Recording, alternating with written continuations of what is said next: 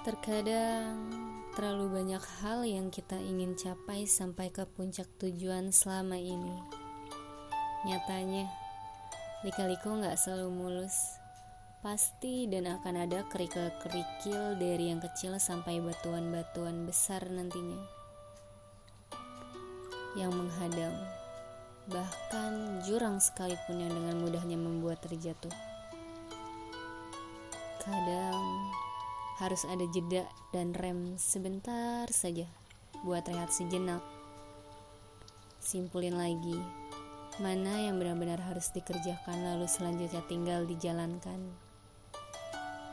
Jangan sampai salah pilih karena terlalu banyak memikirkan hal yang belum tentu benar terjadi nantinya.